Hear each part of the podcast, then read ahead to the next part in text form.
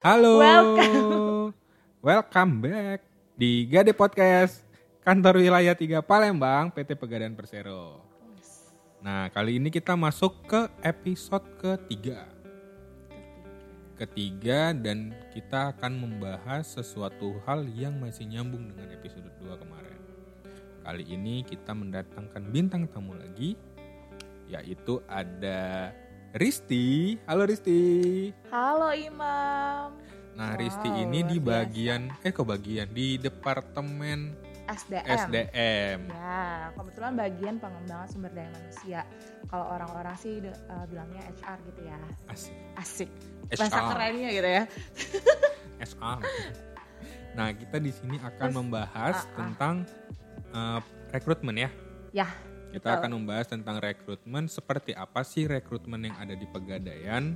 Nah, mungkin kan banyak teman-teman pada kepo atau pada nanya-nanya nih. banyak banget. Banyak Bahkan banget ya. sering masuk ke ini kan, message-nya apa? Eh, Instagram, Kanwil, Kanwil. ya kan? Masih Kak, banyak yang nanya. Gimana nih cara daftar di Pegadaian gitu ya? iya, Kak, lokernya udah buka belum gitu. Nah. Sering banget tuh pertanyaan kayak gitu kan. Makanya di sesi ini kita jawab pertanyaan dari teman-teman semuanya ya. Oke, ini khusus benar-benar khusus kita bahas tentang rekrutmen dari Ya. awal sampai akhir dan nanti Risti bakal ngasih sesuatu kayak tips and trick gimana sih biar Bisa kita lolos, gitu. dari orang dalam nih, Mantap, wih, dari orang dalam nih. langsung gitu. Kalau nggak lolos berarti ya emang, belum rezeki aja, emang belum rezeki aja. Bisa dicoba di lain kesempatan gitu. Betul. Nah, mungkin kalau misalnya rekrutmen yang dibikin sama Pegadaian itu nge-share ke mana aja sih? Maksudnya kan kalau misalnya sekarang udah ada media sosial. Ya. Kalau zaman dulu mungkin bisa dibilang di koran ya. Iya. Kalau sekarang media sosial kan banyak nih platform apa aja entah Instagram atau ibaratnya platform kayak nyari kerja yang lain banyak Iya. tuh. Nah, kalau Pegadaian sendiri itu nge-share ke mana aja sih? Ini aku cerita yang di Kanwil Palembang dulu ya. Oke. Karena kan sebenarnya kita pegadaian ini kan banyak kanwil Mm-mm.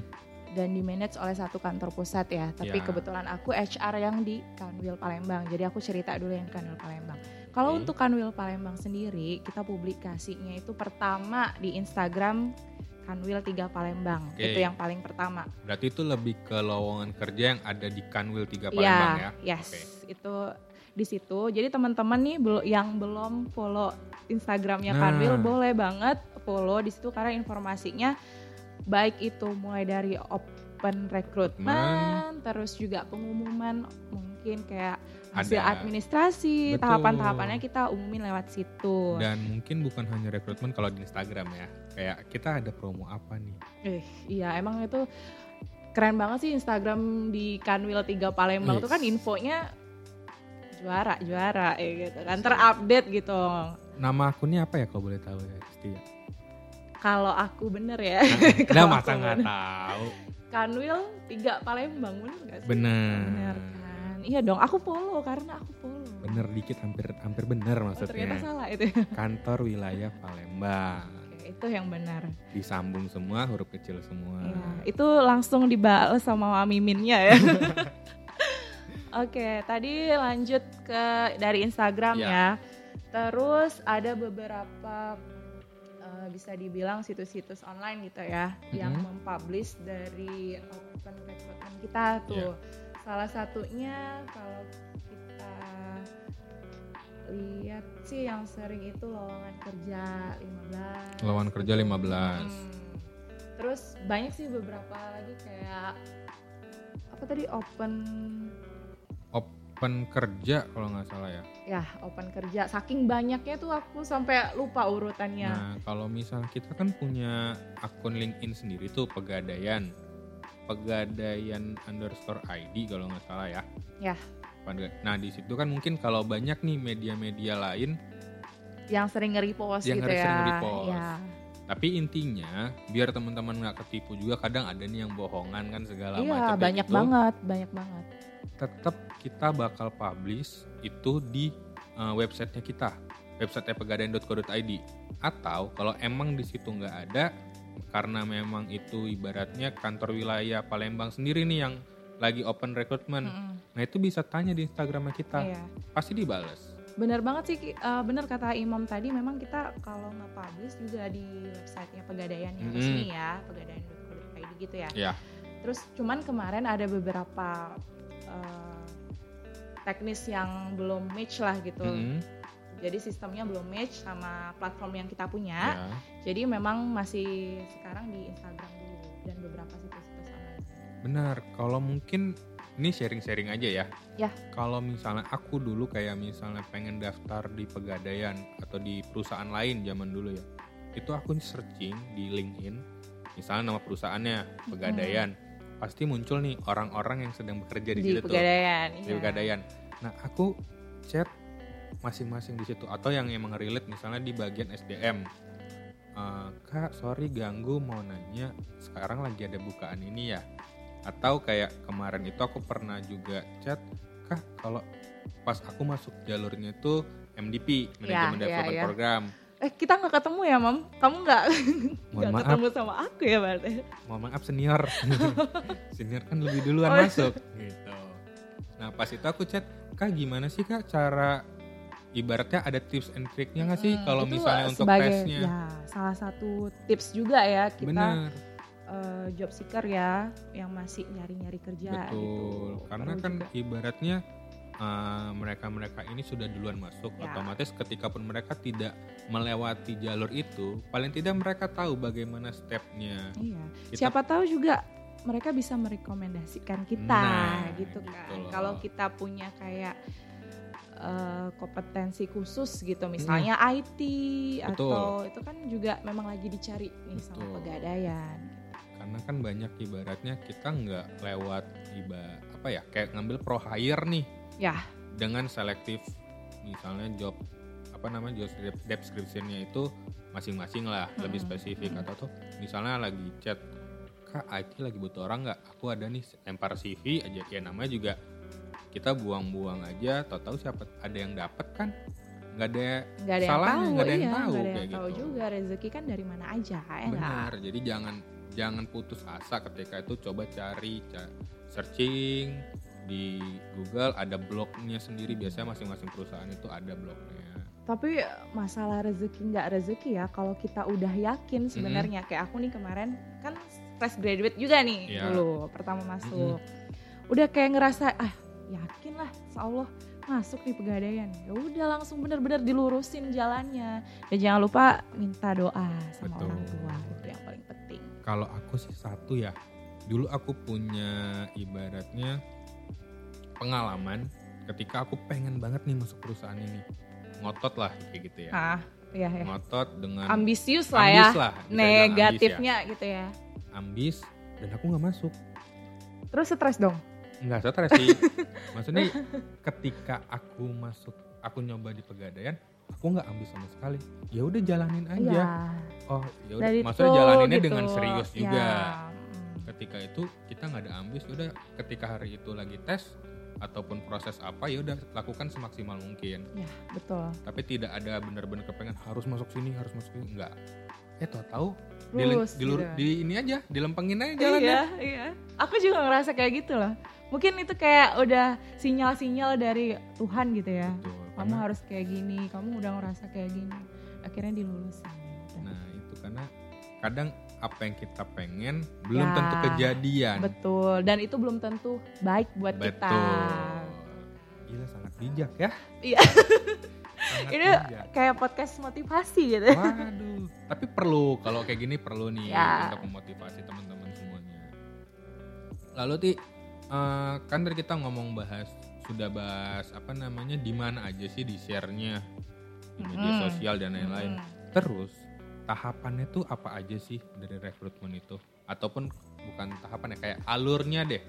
Ketika dia pertama kali masukin berkas sampai tiba-tiba lolos aja. Itu alurnya biasanya apa aja nih? Secara general lah. Kalau misalnya kan biasanya beda-beda nih secara rekrutmen untuk job description-nya. Iya. Pasti ada berbeda juga metode yang dipakai. uh, soal berbeda-beda, mungkin aku harus jelasin jabatan yang sering kita open recruitment Oh, ya. Oke, boleh. Mam ya karena tahapannya akan berbeda Mhm. ketika ngomongin posisinya gitu. Oke gitu. Jadi kalau untuk saat ini di Pegadaian itu kalau yang di Kanwil 3 Palembang Mhm. Kita membuka untuk posisi kasir. Kalau biasanya dibilang itu tenaga pendukung transaksi kas. Oh, yang lagi buka sekarang kasir, kasir ya. kalau kayak di bank-bank kan teller ya. Ya. Ya bagian-bagian frontliner lah Benar. gitu bisa dibilang. Kalau untuk tahapannya sendiri sih sama seperti rekrutmen pada umumnya. Mm-mm. Jadi diawali ya memang mereka apply di platform kita, mengisi beberapa data untuk kita screening. Kemudian juga di situ kan mereka nanti upload upload CV, CV. ya. Dan biasanya ada cover transkrip, letter juga ya. ijazah, iya cover letter. Pokoknya sesuai dengan formnya lah ya, Benar, benar. formnya. Terus nanti dari situ kita akan melihat eh, mana nih yang qualified dengan apa Hmm. yang kita perlukan gitu ya. Terus masuklah dia nanti lulus di tahapan administrasi. Oke. Terus dari administrasi itu yang lolos administrasi kita lanjutkan untuk tes online. Oke, tes Eh, online. Ya, online assessment gitu ya. Mm-mm. Setelah online assessment, nanti akan masuk ke tahapan user interview. Oh, Cuman itu aja, tiga tahapan. oh langsung user interview ya? User interview. Nggak HR interview dulu? Enggak, Oh, langsung nggak. Oh, user langsung. interview. Ya, Oke. kalau untuk kasir ya Untuk atau kasir, tenaga oke. pendukung transaksi kas ya. Langsung user interview. Nanti dari user interview, nah itu nanti kita mungkin masuk ke tips and trick ya Ah, kali ya. Nah, ini yang paling penting karena Oke, dari beberapa tahapan tuh yang menentukan sebenarnya user interview sih. bener. Itu ya ibaratnya mental kita diuji di situ. ya. Iya. Dan kadang kan misalnya dari yang lolos masuk ke user interview ada 20 orang. Hmm. Kadang yang diambil 18 orang kesel banget kan. Cuman kayak Dua ya Allah gitu gitu kan. ya. Ya Tuhan cuman isiin dua orang aja gitu kan. Kasihan kadang yang sama dua orang. Sebenarnya gini, kalau ini aku sebagai aku menempatkan diri sebagai job seeker nih ya. ya, Nah, yang aku masih kepo sampai sekarang nih, ketika proses administrasi itu yang dilihat sama HR tuh apa sih? Kalau boleh ada bocoran dikit nih. ini sebenarnya rahasia ya. Nah, itu aku aja sampai sekarang nih masih masih masih penasaran nih. Apa sih yang sebenarnya dilihat? Apakah cuma dari IPK Ya. atau dari ibaratnya dia lulusan dari mana? Kan Betul. biasanya rata-rata perusahaan-perusahaan gede itu adalah yang seperti itu. Mungkin ini aku me- menjelaskan secara umum kali ya. Ah, boleh. Karena kan spe- eh, kalau secara spesifik kan tergantung eh, ibaratnya selera ya, Betul. selera Mm-mm. dari masing-masing HR dan Mhm. juga eh, kebutuhan kebutuhan dari perusahaan ya. Hmm. Tapi yang paling penting sih kan karena yang biasanya aplikannya itu orang yang mendaftarnya Mhm. itu bisa puluhan ribu Oke. Terus benar, terang ya, Benar, benar. Terus terang, untuk di Palembang sendiri aja kemarin kita terakhir buka rekrutmen itu ada di 7000 7000 orang dan itu hanya seminggu. Itu Kanwil Palembang berarti Sumbaksel ya?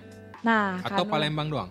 Itu eh, Sumbaksel. Oke. Jadi kan sebenarnya tergantung kebutuhan sih, Mam. Mhm. Kita juga nanti note di situ untuk eh, ditempatkan di mana aja gitu Iya. kan. Kalau misalnya Kanwil Palembang ini kan dari Jambi, terus dari Palembang, Ya, dari terus juga dari Lampung, betul. Ada yang dari Bengkulu, terus Bangka Bangka Belitung. Ya, udah semua ya. Ada sama Palembang sendiri Udah, kan, lima. lima gitu ya. Nah itu beda-beda nantinya, beda-beda tergantung nanti penempat kita milihnya ini Mhm. tergantung asal daerah si aplikannya gitu. Oke, berarti Jadi- pertama dari asal daerah dulu nih. Mm-mm. Lalu asal daerah. Jadi karena uh, kalau untuk kasir sendiri kita mengutamakan putra daerah oke. gitu. Jadi orang yang memang asli di sana dan Mhm. kita akan tempatkan di sana juga di tempat domisilinya gitu. Sesuai dengan posisi kosong unit kerja mana yang kosong gitu. Nah, kalau misalnya nih dia orang Bangka Belitung, Yes. tetapi posisinya sekarang di Palembang. Ya. Nah, dia mendaftarkan otomatis dari Palembang nih. Mm-mm, Tetapi betul. di situ dia lebih memilih untuk di Bangka Belitung. Itu peluangnya dia atau chance-nya dia itu gede nggak Putra daerah. Ah, ah. Gini, karena kita kita kan selalu di ininya ya, Mam ya, di posternya, di Mhm. iklannya, itu kita tulis tuh ditempatkan di mana. Iya. Itu pertama itu. Terus nanti dari ditempatkan di mana di formnya itu kita buat juga aslinya orang mana dan ditempatkan di mana, domisili di mana. Nah dari situ sih kita ngelihat uh, jadi misalnya dia buat orang Bangka ya. Kalau memang dia menuju di Bangka dan mau di Bangka, langsung aja dia buat di Bangka gitu. Oh, berarti kan dengan berarti itu termasuk di dalam formnya ada kan keterangan Ada, itu? ada, ada. Berarti... Di mana dari kota mana. Nah, itu termasuk penilaian kita juga ya. Jadi kalau teman-teman misalnya nih yang memang udah asli putra daerah misalnya. Terus tapi sedang domisili di kota lain. Betul. Cuman yang lagi dibuka ini uh, misalnya posisi kasir di kota asli dia. Yeah. Kalau memang dia mau kembali ke asli di ke kota aslinya, ya udah langsung buat aja gitu. Kota asli dia. Oh. Karena itu sebagai kita memfilter juga. Oh, berarti kan juga. terjawablah tadi pertanyaan bahwa apa aja sih yang dilihat ketika proses administrasi ya, tadi? Berarti kan ya. nggak hanya ngelihat dari IPK, ya. dari lulusan mana nih, dari universitas mana. Ya.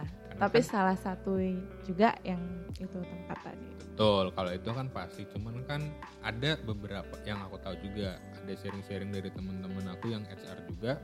Kalau misalnya biasa tuh hanya mentok mm -hmm. di universitas mana? Di universitas mana gitu ya? Dan IPK-nya berapa? Kalau yang mepet-mepet sama kualifikasinya, udahlah gitu. Kayak tiga dua koma tujuh udahlah gitu ya bye gitu. Ya, tergantung persyaratannya berapa misal persyaratannya ya, minimal. Ya biasanya dua koma tujuh minimal. Nah kalau di sini dua koma dua koma tujuh ya berarti ya. Iya. nah kalau misalnya perusahaan mungkin kan sama tiga, nih gitu ya, tiga misalnya minimal hmm. tiga. Tapi ada yang 3,3 bukan kampusnya ataupun universitasnya itu nggak yang mereka suka. Yang tiga masuk itulah tadi balik lagi ke selera HR-nya nah, gitu, kan. gitu. Sebenarnya dari kalau kita menilai kompetensi seseorang mungkin ada sedikit berpengaruh ya kalau hmm. misalnya dia asalnya dari mana gitu. Yeah. Misalnya dari apa universitas yang terkemuka lah emang mm -hmm. karena kan standar uh, pendidikan di setiap universitas beda -beda. itu kan mungkin mereka berbeda-beda gitu kan cuman kita balik lagi sih kalau ngelihat dari universitasnya aja kayaknya bisa jadi bisa dibilang iya mm-hmm. bisa dibilang juga enggak yang paling penting sebenarnya balik lagi uh, seseorang yang mau lulus itu harus full package gitu. Okay. Dia bukan hanya dari universitas terkemuka hmm. misalnya, tapi juga IPK-nya uh, baik. Betul. Tapi yang paling penting tuh kalau misalnya untuk di front office ya, ini sejujurnya ya. Yeah. Uh, physically, physically. Tentu aja. Physically-nya juga harus good. Uh, good looking lah ya, seperti good itu. looking gitu sebenarnya. Karena kan memang posisinya itu di frontliner. Mm -mm. Sama jadi, aja mungkin kayak bank ya. Iya, jadi itu gini mam, jadi satu hal itu nggak mendominasi penilaian, tapi kesinambungan gitu. Seluruhnya termasuk dalam penilaian gitu. Oh, Oke, berarti juga mungkin karena uh, karena gini, karena kalau misalnya kita setiap uh, orang ya, setiap orang ya mam ya hmm. itu kan mereka memang punya pola pikir apalagi kalau udah yang namanya mahasiswa ya udah lulus S1 walaupun di instansi mana pun aku rasa mereka udah pola pikirnya pola pikir orang berpendidikan nah, pasti gitu kan. Kalau namanya udah S1 atau D3 pokoknya pasti pola pikirnya udah yang berpendidikan lah. Kita nggak jadi uh, apa sih namanya penilaian utama kalau dari hmm. universitas terkemuka gitu. Nggak nggak jadi penilaian yang pasti dia uh, eh, IPK-nya ya di atas standar sedikit lah gitu. Oke, berarti kan intinya untuk lolos administrasi itu paling tidak harus uh, melewati dari kualifikasi yang ada ya. seperti dikatakan tadi kan. Nanti ketika apa yang di dalam diri dia atau di pemikiran dia ketika lolos baru masuk interview user. Di situlah nanti ketika seseorang itu di interview bagaimana sih online orang assessment dulu dong. Oh iya, Ya, online iya, online assessment assessment dulu. dulu, lupa, ya, lupa. setelah administrasi kita online assessment dulu. benar-benar. Nah, di situlah kita di, baru diuji dong. Kadang-kadang IPK 3,9, 3,8. Tapi online assessmentnya juga nggak lulus gitu kan. Balik lagi memang Nah, itu gara-gara apa tuh biasanya?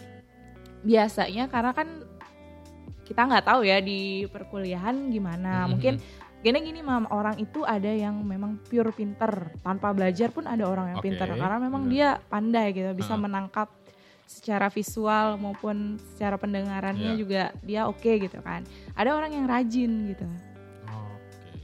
ada orang ya ada orang yang rajin nah kalau penilaian online assessment itu kan ada ada apa ada macam-macam ya ada Mhm. psikotes Benar. Ada juga pengetahuan akademik gitu Iya. kan, pengetahuan umum gitu. Pokoknya eh, gabung lah semua eh, kategori tes Hmm. itu jadi satu. Nah, itu kan jadi balik lagi ada juga IQ-nya di situ. IQ dan EQ ya. Ya, IQ, IQ dan EQ juga di situ ada hasilnya gitu kan. Balik lagi mungkin eh, orang-orang yang kategori rajin ya. Kalau aku nih pengalaman nih, pengalaman karena aku ngelihat teman-temanku yang IPK-nya gede itu rata-rata orangnya rajin sih sebenarnya. Rajin. Jadi kan kalau percaya nggak sih kalau dulu Percaya sih. kalau dulu di kampus orang-orang yang sering nyatet tuh pasti IPK-nya bagus-bagus tuh. Bener sih. Oh apa karena saya dulu jarang ini ya nyatet ya. Jadi IPK-nya Ah, karena aku nggak nggak ini dong nggak suka rajin nyatet-nyatet gitu nggak suka aku makanya IPK aku kecil. Nah, tapi itu sebenarnya ada kelebihan sih. Kita kita agak keluar dari topik nih ya. ya, Ketika zaman dulu di kampus itu kan tadi kayak dibilang ada orang rajin, ada orang pandai, ya. ada yang tidak dua-duanya tapi dia menguasai skill yang lain. Nah, itu, itu. ada. Nah, tergantung dari kita sebenarnya. Dan ketika lulus, kita nggak bisa memastikan bahwa kalau misalnya orang yang pindah, orang yang pandai dan rajin itu bakal dapat kerja duluan, itu nggak sama sekali. mm-mm. dan mungkin dia antara lulus nggak lulus. Karena kan gini, karena setiap tes itu kan disesuaikan dengan standar perusahaan gitu kan. Jadi kalau misalnya dia nggak lolos ya berarti memang kemampuannya tidak di sini gitu. Maksudnya berkarirnya itu uh, Iya. passionnya atau dari segi kognitifnya gitu ya mungkin memang tidak di salah satu institusi itu gitu mungkin di institusi lain gitu Benar, karena gini, eh, mungkin bisa dibilang juga kalau misalnya nasib. ini kita bahas yang ini, ini nasib, sih Nasib. sebenarnya. Nasib. iya sih kalau kerja itu memang nasib sih Nasib.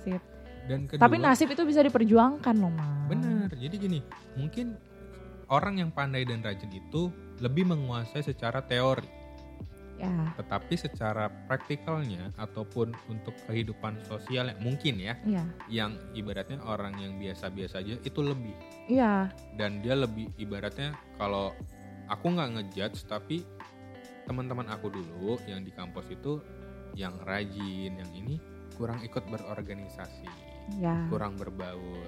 Sedangkan ketika kita mendaftar kerja, kita juga ada poin lebih ketika seseorang betul itu betul aku mengikuti setuju sih organisasi. setuju karena kematangan emosional terus Betul. uh, kemampuan problem solvingnya itu Benar. terbentuk ketika kita ada di organisasi Dan perusahaan itu adalah organisasi. Ketika Ya. sudah mengikuti di kampus, kita sudah ibaratnya sudah melewati Mm-mm. step awalnya lah. kayak ini gitu. mungkin positif point juga ya bener clue ya clue tips tips gitu ya tips So- lah, tips dikit di awal. sedikit ya Nah itu buat teman-teman yang lain, kalau misalnya memang ah nggak ah males lah ikut organisasi capek, udah pulang kuliah segala macam atau pulang misalnya sekolah masih ada yang sekolah nih, nggak apa-apa ikutin aja dulu yang menurut kalian tuh nggak capek, yang Iya. semampunya. dan juga sebenarnya gini mam organisasi itu nggak hanya lingkup kampus kita doang Betul betul betul. banyak yang uh, tempat-tempat lain gitu ya bahkan Bener.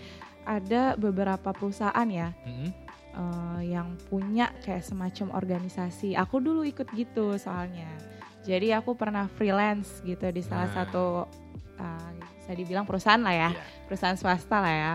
Mm-mm. Itu freelance di situ dan memang kita diberikan project. Nah, dari project itulah kita kayak sem- bisa eh, bagaimana sih menempatkan diri di tempat orangnya ramai gitu ya. Bagaimana bernegosiasi sama orang gitu. Pendekatan mempersuasi orang gitu untuk kebetulan aku waktu itu di produk, penjualan produk salah satu produk. Gimana sih aku nego sama orang. Benar-benar. Terus juga kita kayak meng-create suatu acara gitu kan Mm-mm. gimana kita cari uh, siapa pengisi acaranya gitu. Aku dulu sempet ngundang itu loh anaknya Ustadz Arifin siapa sih? Waduh, nggak tahu tuh. Itu yang nikah muda, pokoknya siapa lah itu ya. Aku udah lupa karena udah tahun 2017 kayaknya. Aku ngundang, 2017 kayaknya iya. aku masih di mana-mana gitu. Kayak aku tua banget ya mom ya. Itu masih kuliah loh statusnya freelance. Iya, itu Masih juga kuliah. masih kuliah itu. Oh Maksudnya ya udah sama, sama-sama kuliah cuy. nggak ngikutin perkembangan Oh ya udah. itu. Oke. Tapi gra- satu sih intinya ketika kita ikut organisasi kita pasti dapat link. ya relasi lebih bertambah lah relasi lah setidaknya. ibaratnya. Ketika Hmm. misalnya mungkin ada senior yang duluan lebih lulus, Betul. kita kenal dekat, kak, misalnya nanya kan, kak ada posisi nggak di Jawa? Oh, bukan kita ditolong dia enggak, tapi info lowongan itu bisa datang ke kita. gitu. Iya, heeh, betul. Tanpa perlu kita cari sebenarnya. Itulah salah satu privilege juga. Memang kita kalau job seekernya emang sedikit harus lebih aktif ya, nggak bisa pasif, nggak bisa kita menunggu eh, pekerjaan datang ke kita, no, bukan kayak gitu caranya.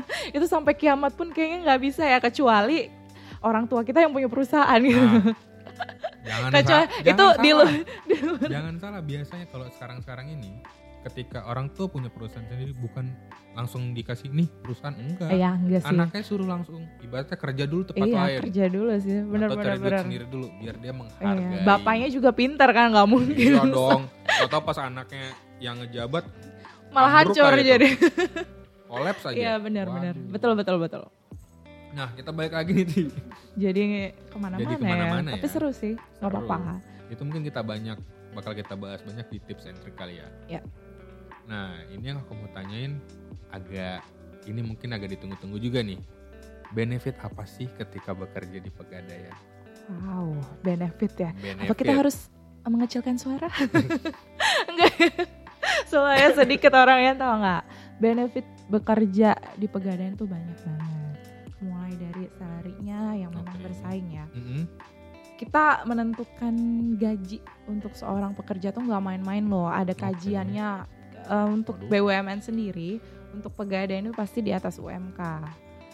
Upah UMK. minimum kota. Oh kota. Oke. Ya, jadi misalnya kalau di Palembang nih ya, sekitar 3 juta berapa, misalnya 3 juta Oke. setengah, pasti kita di atas itu. Mm-mm. Nggak bisa disebut juga ya berapa ya, yang pasti join dulu aja biar tahu berapa jumlah pastinya ya, benefit uh, salary-nya Kalau di jumlah jangan dikasih tahu dong. di Tapi Pegadaian. apa aja nih yang kira-kira ya selain itu salary? selain salary Oke. ya. Nah, uh, kita untuk tenaga pendukung transaksi kas ini kan sebenarnya masih PKWT ya. PKWT itu kontrak Oh kontrak. Mm-mm, perjanjian kerja waktu tertentu. Jadi di kontrak biasanya awal kontrak itu satu tahun. Oke.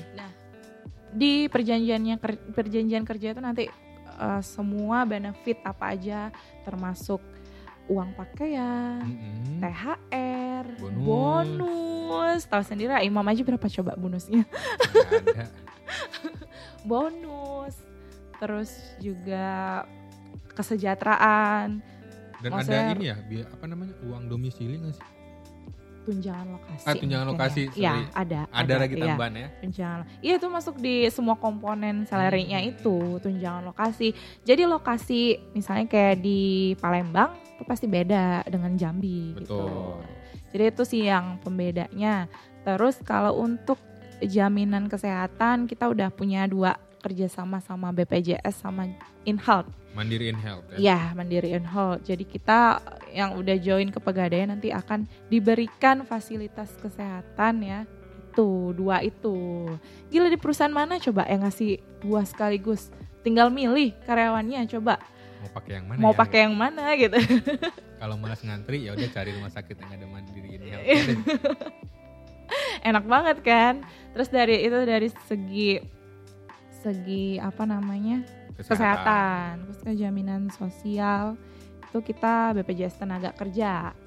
Oh, ada BPJS tenaga kerja juga. Ada BPJS tenaga kerja. Kalau di BP kalau di nih, Mam, aku perlu kasih tahu juga kalau di BPJS kan memang ada yang ditanggung sebagian sama karyawan ya. Udah udah ha.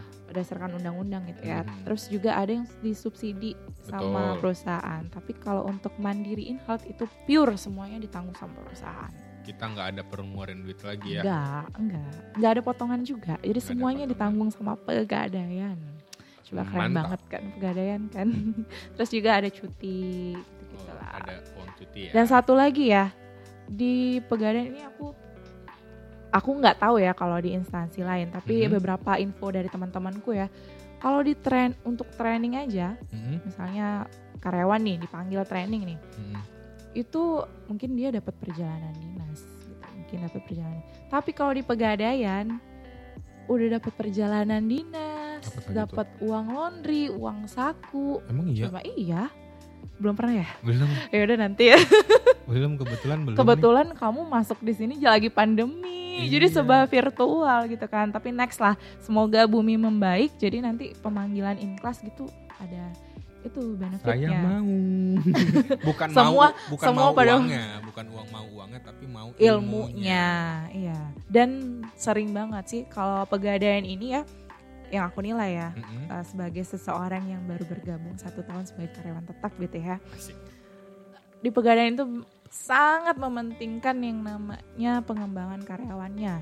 Ya, Itu sih bisa dilihat kan, mam, Bisa. training berapa kali banyaknya kan? Training kalau sekarang karena emang training itu nggak bisa in class, jadinya Iya. kan jatuhnya virtual Yes, nih, webinar virtual. segala macam. Tetapi kayak kemarin aku baru ngajuin kan ti untuk Oh ya, seminar virtual juga. iya, iya, iya, tan- betul betul. Tapi itu bukan bukan perusahaan yang ngasih, tetapi aku yang mengajukan. Iya, Dan itu, itu di- bisa. disetujui bisa. Iya, itu gitu loh. bisa. Jadi karyawan diberikan bukan semacam kebebasan ya, tapi difasilitasi, diakomodasi oleh perusahaan untuk dikembangkan kompetensinya. sesuai gitu. dengan bidangnya. Yes, betul. Jadi kita itu dari segi internalnya pun kita ada trainernya. Betul. Terus kita juga eksternal, jadi banyak vendor-vendor kayak John Robert Powell. Bener. Siapa nggak tahu John Robert Powell kan? Terus. PPM manajemen Ya. itu salah satu vendor-vendor yang udah kerja sama di PT Pegadaian. Itu Baik. baru beberapa ya. masih banyak lagi sih sebenarnya. Banyak, banyak banget kalau di Pegadaian aja tuh. ketika menjadi apa namanya eh, kasir nanti di frontliner kan kita harus bisa gimana sih cara berhadapan dengan customer, dengan nasabah, bagaimana ibaratnya attitude-nya juga seperti apa. Ya. Itu pasti ada trainingnya tersendiri. Iya, betul, betul. Kalau di kita sih itu namanya standar layanan ya, Mam ya. Oh ya, Standar standar, layanan layanan Pegadaian. Pegadaian. Ya. Jadi gimana uh, seseorang frontliner itu bersikap menghadapi nasabah gitu. Bu- Bukan hanya bersikap tapi berpakaian, berpenampilan itu sampai kumis, rambut semua diatur gitu kan. Ada nih slogannya 3S. 3S, senyum sapa salam. Iya gak sih? Belum bukan. Senyum, salam, Sapa sapa. kebalik ya. Kebalik. Senyum sapa salam saking cepetnya nah. Senyum salam sapa. Ya, itu slogan di la- seba- eh, sebagai insan pegadaian di frontliner ya. Betul. Gimana menghadapi nasabah itu slogannya sih. Ya, di pegadaian gitu. Gimana kita menghadapi nasabah, dikasih training sama perusahaan coba. Selain Hmm. untuk training ketika dia bagaimana bekerja nanti, tetapi ada juga training-training lainnya untuk mendukung hal itu. Dan itu trainingnya seru-seru banget sih. Mm-mm. Karena kan ibaratnya mungkin dalam bisa dibilang dalam satu batch ataupun satu rekrutmen itu kayak dikumpulin semua kita punya angkatan jadi jatuhnya. Ya, itu sih kalau yang kayak gitu ketemu namanya di cloud induksi. Benar. Jadi satu nanti satu angkatan, satu apa ibaratnya satu batch lah ya. satu batch. Satu batch rekrutmen gitu yang dikumpulin jadi satu nanti di diklat induksi. Kalau di diklat induksi itu beda lagi deh jatuhnya. jatuhnya. Iya sih. Kalau diklat induksi nanti panjang nih ceritanya nih. Nanti teman-teman dikumpulin, diorientasi lah gitu istilahnya ya. Mm-mm. Dikenalin pengenalan di onboard ya ya. Ya sih, Pengenalan. pengenalan semua hal lah tentang Mm-mm. pegadaian. Semua hal tentang pegadaian. Tapi nanti bakal ngerasain sendiri kok ketika memang sudah menjadi karyawan pegadaian ketika ada training seperti itu bakal merindukan hal itu. Oh, pasti. Ketika nantinya Pasti. eh, kita nggak ada training lagi apa biar mu- Biar training ngumpul itu biar gitu ya. ngumpul. Karena kan dipencar kalau ada yang seluruh Indonesia atau ada seluruh Iya, kanwil iya. gitu ya. Iya. Kanwil pasti pengen nyari kumpulnya gitu loh. Karena ngerinduin pas zaman-zaman Zaman-zaman waktu jadi mahasiswa, bukan Itu maba. mahasiswa ya. Bukan maba. Aku juga mau bilang maba tadi. Capek-capek Oh, calon capek, pegawai. Calon pegawai. Calon pegawai. Nah, itu kan tadi benefit-benefit apa aja nih udah banyak Ya. banget kita bahas segala macam. Kalau lebih detailnya gabung ke pegadaian nanti kita jelasin dari nol gitu ya. Apa aja yang bakal teman-teman Nah. dapetin. atau bisa tanya kita di Instagram. Wah, bisa boleh, DM boleh, kita atau DM Boleh, boleh. Risti juga boleh tuh. Boleh. Karena kan. Risti kan yang boleh kasih tahu IG-nya apa sih? IG ku Risti Nur Anissa R I S T Y N U R A N I S A sampai aku. Nah, gitu ya. Jadi di follow ya udah tanya aja Nah, langsung. jangan di lupa follow dulu baru nanya. Jangan lupa juga follow pegadaian. eh sorry, follow akunnya Kanwil, Kan- ya, kantor akun kan. kantor wilayah, Palembang. Oh, di sampai blank. Nah, terakhir nih. Mau dong tips and trick dari seorang Risti yang SDM Untuk untuk ya untuk mengikuti ini. Rekrutmen bukan hanya maksudnya hmm, bukan oke, hanya oke. rekrutmen tentang kasir yang lagi Ya, dibuka, ya, ya, tapi rekrutmen secara keseluruhan secara lah ya keseluruhan gimana. lah. Oke, yang pasti kita harus memenuhi kualifikasinya ya. Nah, aku jelasin dulu, Mam. Kualifikasi. Kuali oh ya kualifikasinya Iya, belum Kualifikasi dan syarat biasanya. Oh, iya, Ini iya, aku iya. secara umum aja ya, Boleh, tapi boleh, nanti kalau udah open rekrutmen nanti di situ ditulis sih apa aja yang harus disiapkan. Hmm. Cuman biasanya kalau untuk persyaratan umum untuk kasir sendiri itu kita eh, maksimal umur itu 30 tahun. ya. Oke. maksimal umum umur itu 30 tahun boleh sudah menikah tidak Mhm. masalah Nggak ada masalah ya. tidak masalah itu secara umum. Perempuan laki-laki tidak masalah apa pun gitu kan Cuman boleh perempuan atau laki-laki aja ya. ya nggak ada custom ya Nggak ada custom.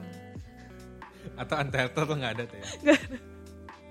Ya, perempuan dan laki-laki minimal pendidikan terakhir itu SMA SMA boleh. SMA boleh diutamakan biasanya memang yang eh, domisili putra daerah putra Oke. daerah dan juga itu udah persyaratan khusus ya tapi nggak apa-apa deh Boleh kalau mau persyaratan khusus.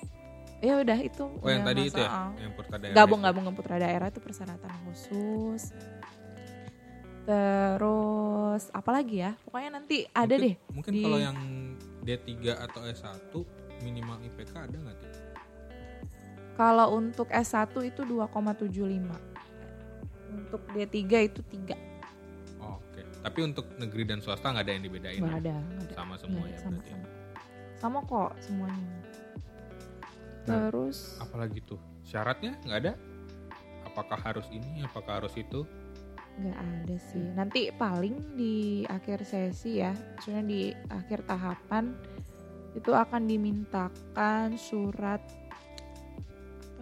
Bebas Sehat. narkoba, Surat sehat, bebas narkoba, nafsa itu ya. Ya bebas narkoba nafsa. Terus sama apa lo yang dari kepolisian itu Oh surat apa ya namanya? untuk melamar kerja itu loh. Iya iya lupa apa surat apa namanya?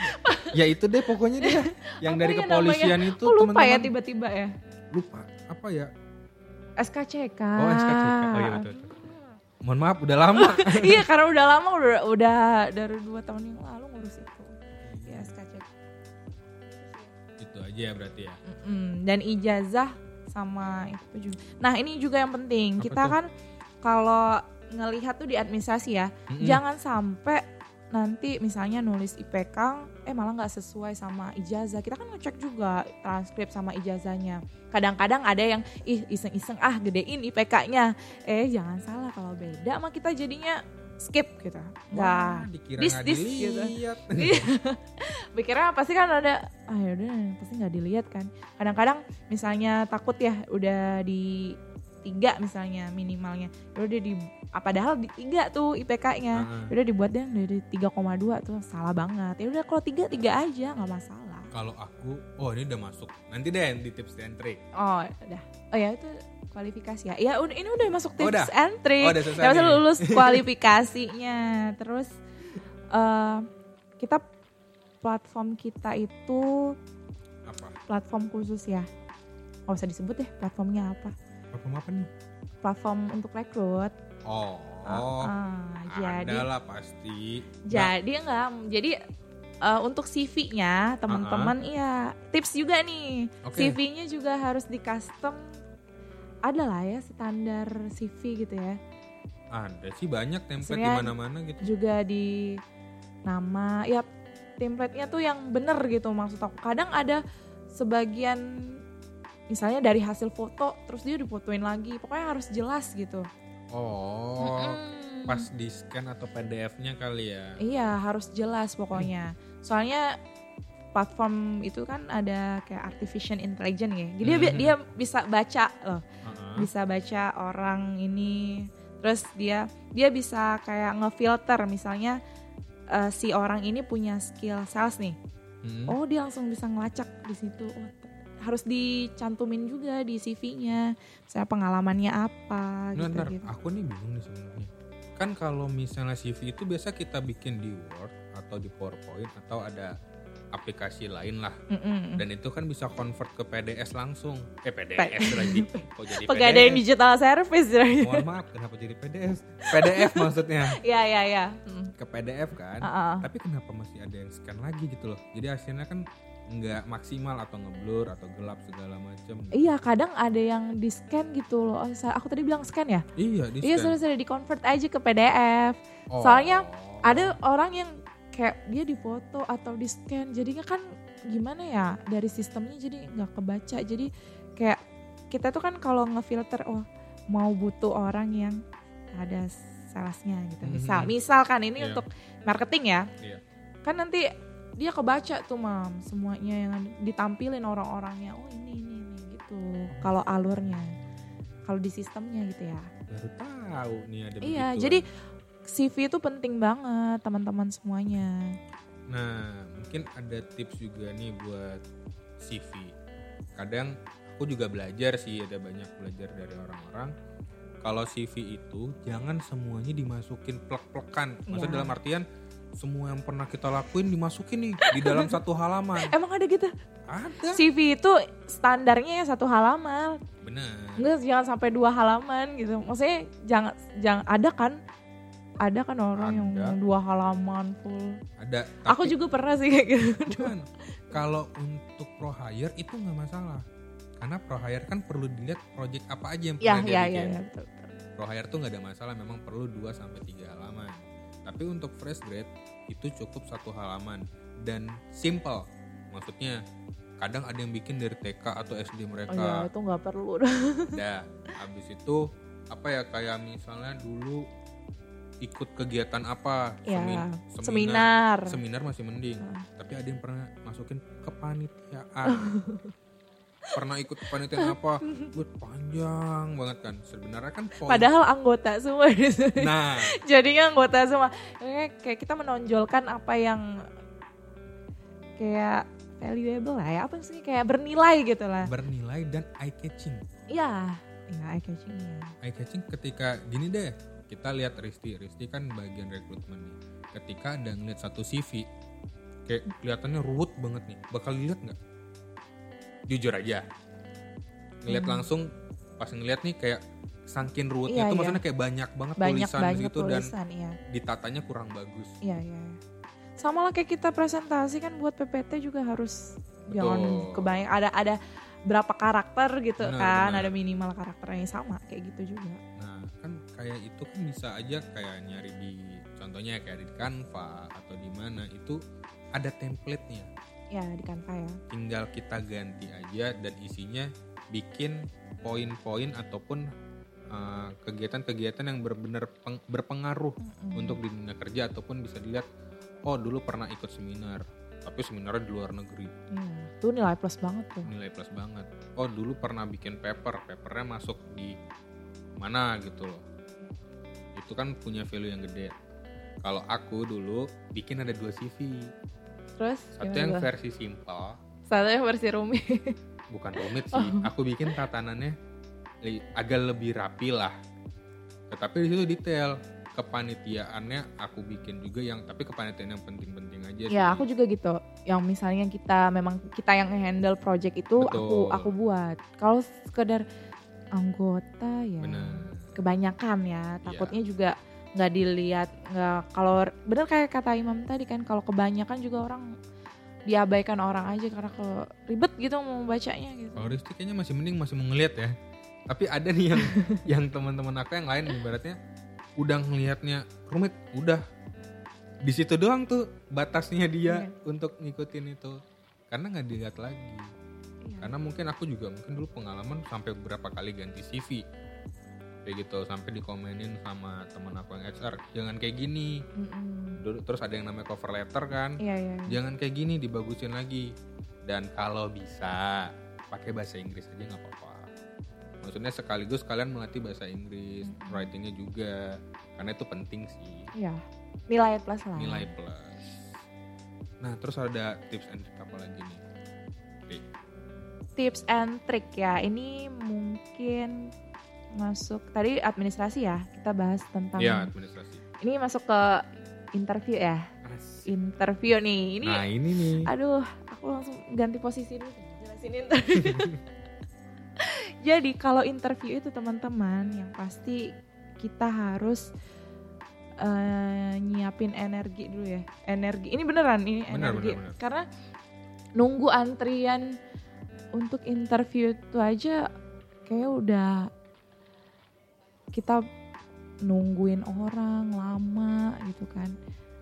Kadang banyak loh yang di akhir-akhir mau masuk jadi kenamah gitu kan karena karena nggak nafsu makan tapi harus harus makan dulu yang penting itu terus yang kedua kita menggunakan pakaian yang eye catching lah ya yang Iya. enak dilihat bukan eye catching tapi rapi dan sopan aja deh dulu gitu ya. pokoknya enak dilihat ya termasuk rapi Betul. sopan gitu kan bisa memadu madankan warna gitu itu jangan bener nabrak warnanya ya Iya, jangan nabrak warnanya. Itu masuk ke penampilan ya. Betul. Jadi kalau misalnya yang pakai jilbab ya jilbabnya diatur sedemikian rupa gitu kan. Terus yang nggak pakai jilbab ya bisa dikuncir lah, jangan semuanya digelak apa? Apa namanya kalau cewek tuh yang nggak pakai jilbab? Di, Ya, apa sih namanya itu deh. di kriwil-kriwil gitu. Apa Pokoknya jangan apa ya namanya ya? curly bukan. Kayak di keriting-keriting ya. ya curly kali itu namanya. Bukan, bukan bukan di keriting, pokoknya ada yang di dibiarin gitu nggak dikuncir gitu. Oh rebonding Ya. Oh, jadi jadi jadi ngomongin rambut nih ya. Tapi penting tuh yang cowok tuh misalnya jangan pakai pomade kebanyakan. Dia nanti Minyak. takutnya iya takutnya interviewernya interviewernya malah nggak fokus ke malah fokus ke rambut ya. Salah fokus ya? Salah fokus ya itu dari segi penampilan. Hmm, terus yang kedua eh, eh yang ketiga ya? Tiga. Terus nyiapin mental coy ngadepin orang gitu kan. Apalagi yang udah berpengalaman di Betul. instansi yang kita mau join ya mental harus disiapin. Karena kadang ada pertanyaan yang di luar ekspektasi. wah jangankan pertanyaan kalau kalau aku zaman waktu daftar waktu interview user di sini nih Heeh. anda antara lucu dan aneh Kenapa? jadi kan aku masuk ruangan nih terus harus ada nah ini tipsnya juga ketika kita sudah sampai depan meja atau depan interviewernya jangan langsung duduk. Duduk iya. tunggu dia kalau misalnya dia nggak mengizinkan untuk duduk jangan duduk. Betul. Terus ketok pintu ketok bilang pintu salam. bilang salam yang muslim Sopan. bilang assalamualaikum atau selamat pagi ya. Serah ya pokoknya yang sopan lah. Yang sopan. Nah kemarin itu aku baru sampai depan meja nih belum ngomong. Terus? Baru mau ngomong pagi eh apa tuh siang pak gitu kan. Belum ngomong mas coba kamu balik depan pintu terus jalan lagi ke ya? sini Iya ya. langsung dikerjain Aku juga gitu. nah kenapa pak udah coba dulu kata aku jalan lah jalan biasa aja nggak usah yang dibagus-bagusin segala macam nggak usah Iya iya iya. jalan biasa aja udah pak oh ya udah duduk udah gitu dong aku kira udah dibilangin apa gitu loh Iya itu kayak memang ngetes mental kali ya. Betul. Dan ada satu lagi mungkin teman aku itu pas pas interview itu dia pakai full Inggris.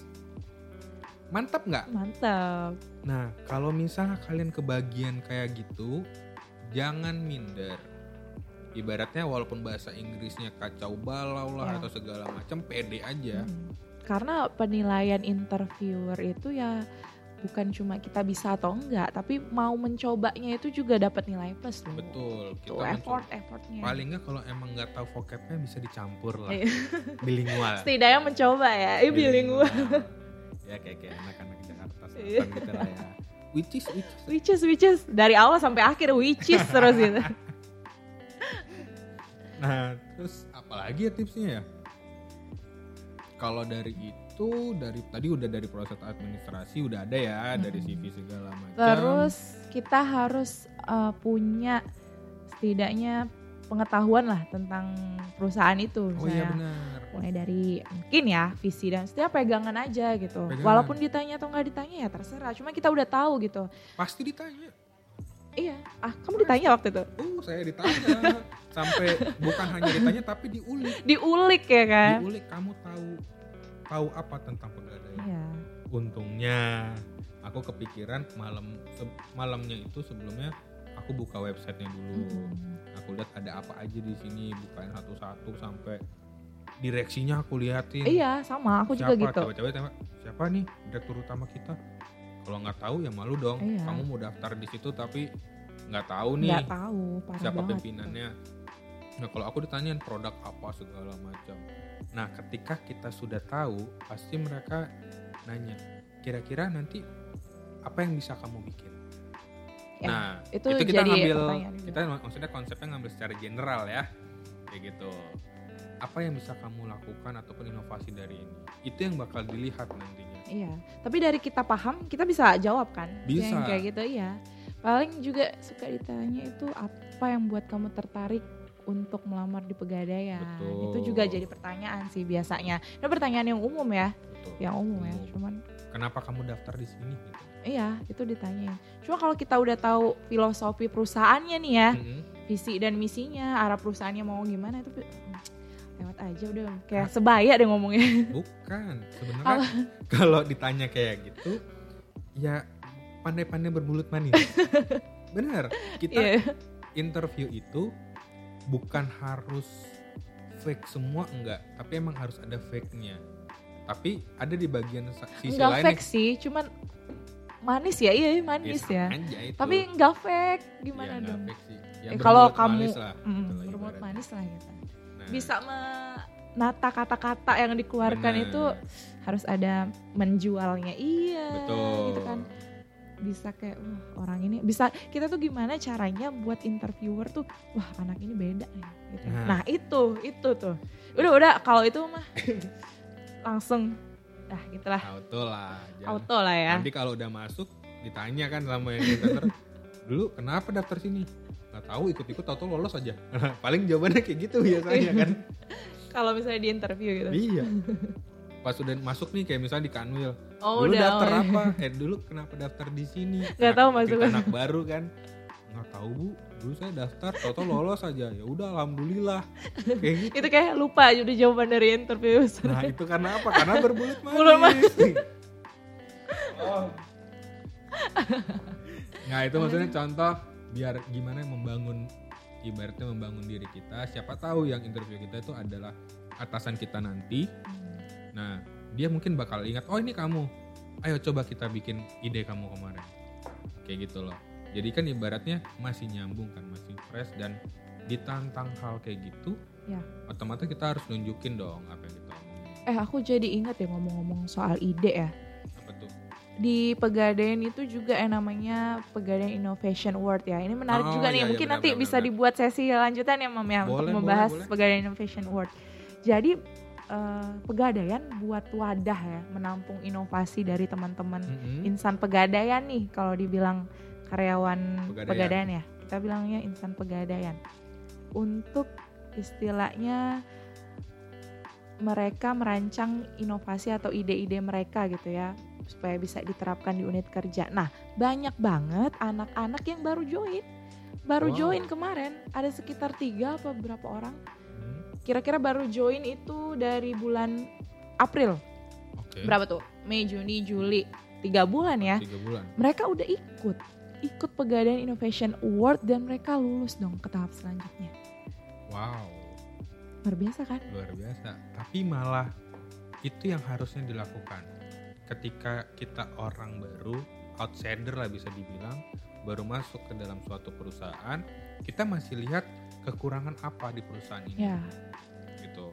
Nah dengan hal itu kan mungkin kalau misalnya karyawan-karyawan yang lain sudah lama di sini, mungkin ada nggak kelihatan karena udah terbiasa dengan Ya, sistem betul, itu betul, ataupun dengan betul. tingkah laku itu betul otomatis orang baru inilah yang berperan untuk ibaratnya memperbaiki hal itu dan kita menyediakan wadahnya dan itu kalau di pegadaian bukan hanya untuk ibaratnya back office-nya aja tetapi untuk sampai di frontliner pun bisa berperan di dalam semua. wadah ini. Semua. Semua semua lini lah ibaratnya. Bisa untuk ikut menyumbangkan inovasinya ide-idenya untuk perubahan dari Pegadaian. Dan itu Pegadaian kasih reward dong. Bukan cuma nerima-nerima aja Nah. bayangin. rewardnya lum bukan Lum- lumayan lagi jalan-jalan tur Eropa cuy kamu ikut kan ikut sih Iya. Tunggu aja nanti hasilnya nasional ya, Mam. Eh, hasil kanwil ya? hasilnya kan Tahap, weh. tahap kanwil ya. Iya. sekarang lagi tahap kanwil ya Iya, itu nilai plus banget buat kita kan. Ditambah lagi setelah kita ikut itu kan nanti ada pengalaman-pengalaman Benar. baru. dan itu masuk ke dalam CV perusahaan kita ya Iya, iya. maksudnya dalam artian kita punya diri kita sendiri itu punya CV di perusahaan Iya, Kita di pernah sistem. di sistem ya Di sistem. kita pernah bikin apa kita pernah ngelakuin apa ya, itu semuanya tercatat semua. ya, terrecord. dan itu yang bakal kalau kita bagus terus itu yang membantu kita untuk cepat naik Ya, betul sekali. ke Gitu. level yang lebih atas kayak gitu Aduh, panjang nih pokoknya nih. panjang banget Kalau ya nanti udah naik level atas udah, udah masuk ke karir path-nya itu pokoknya di pegadaian luar biasa aja teman-teman kalau yang mau join jangan ragu ya benar karena pegadaian kalau mungkin banyak orang bilang ih pegadaian kaku apa sih? Enggak enggak kok. Enggak, Udah, enggak kita udah banget. ngebahas kita kemarin udah ngebahas loh di episode 2 oh ya dengan Mia sama Mbak Putri. Ngebahas tentang itu ya? Pasti iya ngebahas tentang milenial di BUMN eh, pasti sama kan pemikiran mereka? Benar sama. Enggak enggak kaku. Apalagi zaman sekarang itu kan pegadaian lagi masa transformasi nih. Betul, kita juga punya TO, Transformation Office. ya Isinya gokil-gokil. gokil gokil enggak enggak cuma di TO aja sih Ya. semuanya udah Benar, benar, benar. Semua juga gokil-gokil sesuai gokil dengan gokil tempat-tempatnya. Mereka iya. menciptakan suatu inovasi, ide dan lain-lain dan bukan hanya di back office tentunya, pasti di frontliner pun mereka melakukan hal terbaik di Mm-mm. situ. Ngomong-ngomong, ini kita hampir sejam ngomongnya. Iya, Hanya nggak untuk bahas ya. rekrutmen nggak kerasa loh. karena emang banyak eh, yang mau dibahas ini, Ini juga masih banyak yang ketahan-tahan ya. iya pengen ngomong ini ah Ya udah nah nanti kepanjangan ya bisa dua Kepanjangan. jam tadinya pengennya setengah jam doang ini ini pas ngeliat ya. waktu kok udah hampir sejam karena saking antusiasnya loh mam benar benar menyampaikan informasi untuk teman-teman nih benar. nah kalau gitu mungkin kan banyak nih teman-teman mungkin penasaran dengan hal lain mungkin nanti bisa DM kita atau ibaratnya komen Ya. eh, apa sih topik yang pengen dibahas selanjutnya? Lebih ke apa nih? Boleh apakah boleh. mungkin rekrutmen dengan Risti ada yang mau lebih diperdalam lagi? Ataupun topik-topik boleh boleh, lain? boleh. nanti kita bisa undang bintang tamu. Asik Iya, bintang asik tamu. bintang. oh, udah kayak artis ya. Enggak lah nggak bintang tamu lah. Paling ada pembicara yang ibaratnya sesuai dengan bidangnya. Eh, dengan yang teman-teman harapkan juga betul kan. jadi kita nggak sembarangan orang mendatangkan termasuk Risti ini nggak sembarangan nih di sini dia Eh. takut aku sama dia ya Allah kayak ibu tiri ya aku ya jadinya ya Allah itu dia bahaya. SDM bahaya. Enggak, enggak bercanda, bercanda, bercanda. Oke Kenapa? Kayak ada dendam pribadi. Oh, enggak ada. Enggak, enggak, enggak, enggak. Kita Ada. friend, friend. Friend dong. Oke deh Risti, thank you. Makasih Oke. banyak udah bisa sharing-sharing di Gade Podcast. Semoga ini sharing-sharingnya kita bermanfaat untuk Ya. teman-teman semua. Apalagi Amin. kita ada tadi kan ada bakal rek, buka rekrutmen Ya, untuk ah, kasir. pokoknya teman-teman persiapkanlah diri kalian Betul. karena bentar lagi ya, mungkin satu atau dua bulan lagi lah, kita akan open recruitment untuk kasir, mam. Betul. Jadi di kota-kotanya banyak nih, nanti ada di Lampung, Oke, Lampung buka. Lampung, terus Palembang, Jambi enggak? Pangkal Pinang, Oh, Pangkal nanti Pinang buka. Jambi juga. Nanti kita akan publish lah di mana. Tentu aja. Kita bakal publish Dan di jangan lupa follow Instagram, Nah. Instagram, Instagram, Instagram. Instagram Pegadaian gitu. otomatis apa pun yang terjadi di wilayah kantor wilayah 3 Palembang itu bakal dipublish di IG-nya kita. Jadi teman-teman kalau emang pengen tahu info-info terbaru bisa follow dulu. Jadi nanti bakal langsung lihat di timeline. Kalau lagi update langsung buka nih bisa dilihat. Iya, langsung ada semua apa pun ya. Nah juga tadi kita udah ngebahas tentang rekrutmen secara general, tips and trick semua dari Risti. Ya semoga itu bermanfaat untuk teman-teman semua. Jadinya nanti bisa lebih memperbaiki diri apakah ada yang kurang dan lain-lain halnya. Jangan lupa tetap apa ya? Tetap apa ya? Tetap stay positif Oke, gitu, stay stay, healthy. stay healthy. Jangan lupa di dunia normal ini tetap menggunakan protokol kesehatan. Iya, karena kesehatan itu penting ya di masa-masa pandemi sekarang teman-teman harus uh, giat-giatnya menjaga kesehatan karena bukan untuk pribadi kita teman-teman. Tapi malah untuk Ya orang kan? lain ya Ya, sebenarnya. untuk keluarga terutama. Untuk keluarga. ayah dan ibu mungkin yang udah punya istri untuk istri dan anak gitu kan. tapi yang kalau yang belum ya untuk diri sendiri dan orang tua ya. Hmm. gitu kan mam Iya bener silakan yang jomblo juga mungkin Cukup ya? Cukup ya? Nanti panjang ya. Kemarin kita udah menjual orang lain di sini. Udah kita obrol Jangan hari ini kita obrol juga. iya iya. siap siap siap. Oke makasih banyak Risti atas iya waktu dan sama-sama. Siap. informasinya Buat teman-teman yang lain jangan lupa Tetap dengerin apa Gade Podcast. Kita bakal tetap share ataupun tetap ngasih tahu info-info apa sih. Bukan hanya tentang pegadaian tapi tentang hal apa pun yang menurut kita itu penting untuk kita share. Bisakah dari kepribadian atau yang lain-lainnya? Nah, ditunggu aja ya ditunggu tanggal aja mainnya ya. tunggu iya. aja mainnya. Tetap jangan lupa buka Spotify, cek Gade Podcast. oke Oke. Bye-bye. bye